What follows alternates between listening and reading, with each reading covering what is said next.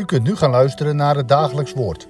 Dit is iedere maandag tot en met vrijdag om 10 uur, 3 uur en s'avonds om 7 uur.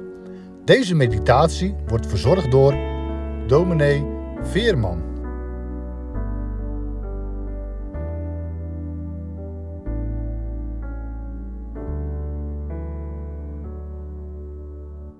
We lezen met elkaar Lucas 1 vanaf vers 67 en we lezen dan door tot en met vers 70.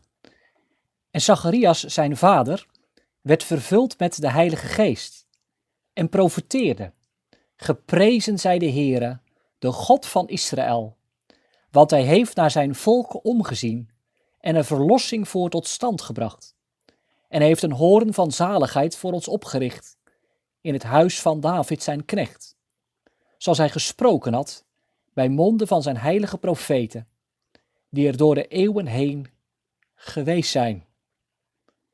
Tot zover deze woorden uit de lofzang van Zacharias, de eerste woorden die hij uitspreekt, vervuld met de Heilige Geest. Woorden die hij mag uitzingen nadat het zo lang stil geweest is in zijn huis. Zacharias, hij moest zwijgen, omdat hij zijn eigen woord gesproken had. Een woord van verzet tegen wat de engel gezegd heeft. Een woord van ongeloof. Maar de geest draait dat om. De geest geeft hem woorden van geloof, woorden van profetie. Zacharias, de oude priester, wordt vervuld met de Heilige Geest. En wat gebeurt er wanneer de Geest van God werkt? Wanneer de Geest van God mensen vervult? Nou, ons valt mij op, met name in dat eerste hoofdstuk van Lucas 1, dat Lucas er de nadruk op legt dat er dan verwondering ontstaat. Verwondering over God die omziet naar zijn volk. En daarom zet ik vanmorgen, vandaag een streep onder één regel uit die lofzang van Zacharias. Want hij heeft naar zijn volk omgezien. Dan gaat het over de God van Israël. De God van Israël die Zacharias mag prijzen. Geprezen zij de Heere, de God van Israël, want hij heeft naar zijn volk omgezien. Valt mij op dat deze woorden, omzien, meerdere keren terugkomen in Lucas 1.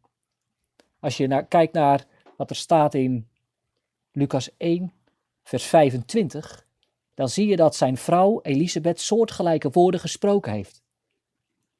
Zij zegt het, zo heeft de Heer voor mij gedaan in de dagen waarin hij acht op mij geslagen heeft, om mijn smaad onder de mensen weg te nemen. Elisabeth, als zij de boodschap krijgt dat zij een kind zal krijgen en als zij zwanger wordt, dan zegt ze: God heeft acht op mij geslagen. Hij heeft naar mij omgezien. Hij kijkt naar mij. Wat doet de geest van God? De Heilige Geest maakt ons verwonderd dat er een God is die omziet naar mensen. Dat zien we bij Zacharias. Dat zien we bij zijn vrouw Elisabeth. En het valt op dat Maria in haar lofzang soortgelijke woorden zingt. Ook zij is er verwonderd over dat de Heere naar haar omziet. Ze zingt het. Mijn ziel maakt de Heere groot en mijn geest verheugt zich in God mijn zaligmaker. Waarom prijst zij de Heere? Waarom verheugt ze zich in God haar zaligmaker? Nou, ze zegt het omdat hij heeft omgezien naar de nederige staat van zijn dienares. Hoort u het? Ook zij zegt het. Er is een God die omziet. En daarmee zingt Maria hetzelfde als Elisabeth. Elisabeth zegt, hij heeft acht op mij geslagen. Maria zegt, hij heeft naar mij omgezien. En ook Zacharias zegt het. Hij heeft naar zijn volk omgezien. Maria zegt daar, zegt daar iets bij. Hij heeft omgezien naar de nederige staat van zijn dienares. Dat betekent naar de laagheid, naar de nederheid. Als God naar mensen ziet, dan ziet hij niet om naar mensen die het zelf verdiend hebben. Dan ziet hij niet om naar de mensen die iets gepresteerd hebben. Maar hij ziet om naar de nederige staat van zijn dienares. Hij ziet Maria aan in haar laagheid, nederheid. Denk maar aan Nederland. Hij slaat acht op Elisabeth die versmaad wordt. En Zacharias zegt het. Hij heeft naar zijn volk omgezien. Zijn volk Israël.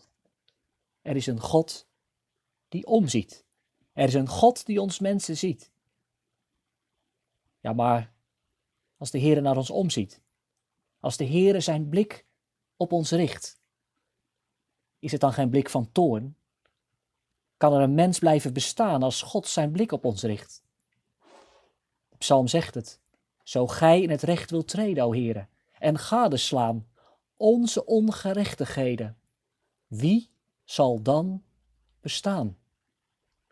Gadeslaan, een blik richten op, als u kijkt naar wie wij zijn, als u gaat letten op onze ongerechtigheden, op onze zonde, op die donkere plekken waar ik mij voor schaam, als God daar aandacht aan gaat besteden, wie zal dan bestaan? Geen mens kan bestaan als God ons aanziet in onze ongerechtigheid. Geen mens kan blijven staan als de Heere in wie wij zelf Dan ben ik reddeloos verloren. Dan moet ik wegzinken onder zijn oordeel, tot in de diepte van de hel. Geen redding, als God zich met zijn volle gewicht, van, het volle gewicht van zijn heiligheid, zijn toren en zijn rechtvaardigheid op mij richt. Maar Zacharias zingt iets anders.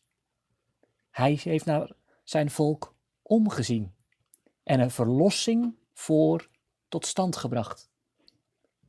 Zacharias, hij weet het. God ziet om in genade. God ziet om in zijn zoon. Dat is ook wat Elisabeth weet. Dat is ook wat Maria weet. Want hij die machtig is, heeft grote dingen aan mij gedaan. Hij ziet om in zijn barmhartigheid.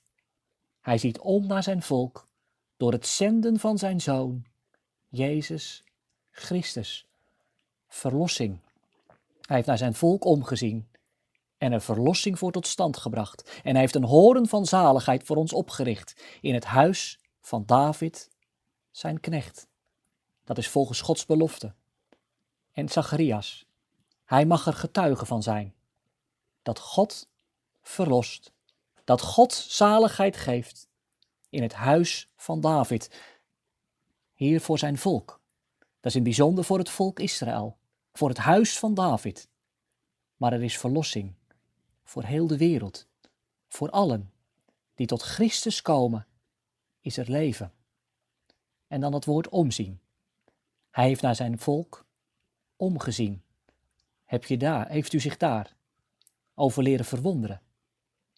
Sta je er stil bij? En leef je daarvan? Hij heeft omgezien naar zijn volk. Ja, hij heeft ook naar mij omgezien. Dat mag je zien. Straks op het kerstfeest deze week. Als we stilstaan bij de kribben. Als we onze aandacht richten op dat kind wat daar ligt. En hoort u hoe dat kind heet? Dat kind heet Jezus. Dat betekent hij is de redder. Hij is de zaligmaker. En in hem zie ik dat God omziet naar zijn volk. Als ik op mezelf zie, is er geen hoop. Is er geen toekomst. Is er geen houvast te verwachten voor de tijd en de eeuwigheid. Maar als ik kijk naar dat kind in de kribbe, dan weet ik het. Hij heeft naar zijn volk omgezien en er verlossing voor tot stand gebracht. Leef daarvan. Ga daar niet aan voorbij. Hij heeft het beloofd en hij zegt het nog steeds, zoals hij gesproken heeft bij monden van zijn heilige profeten, die er door de eeuwen heen geweest is.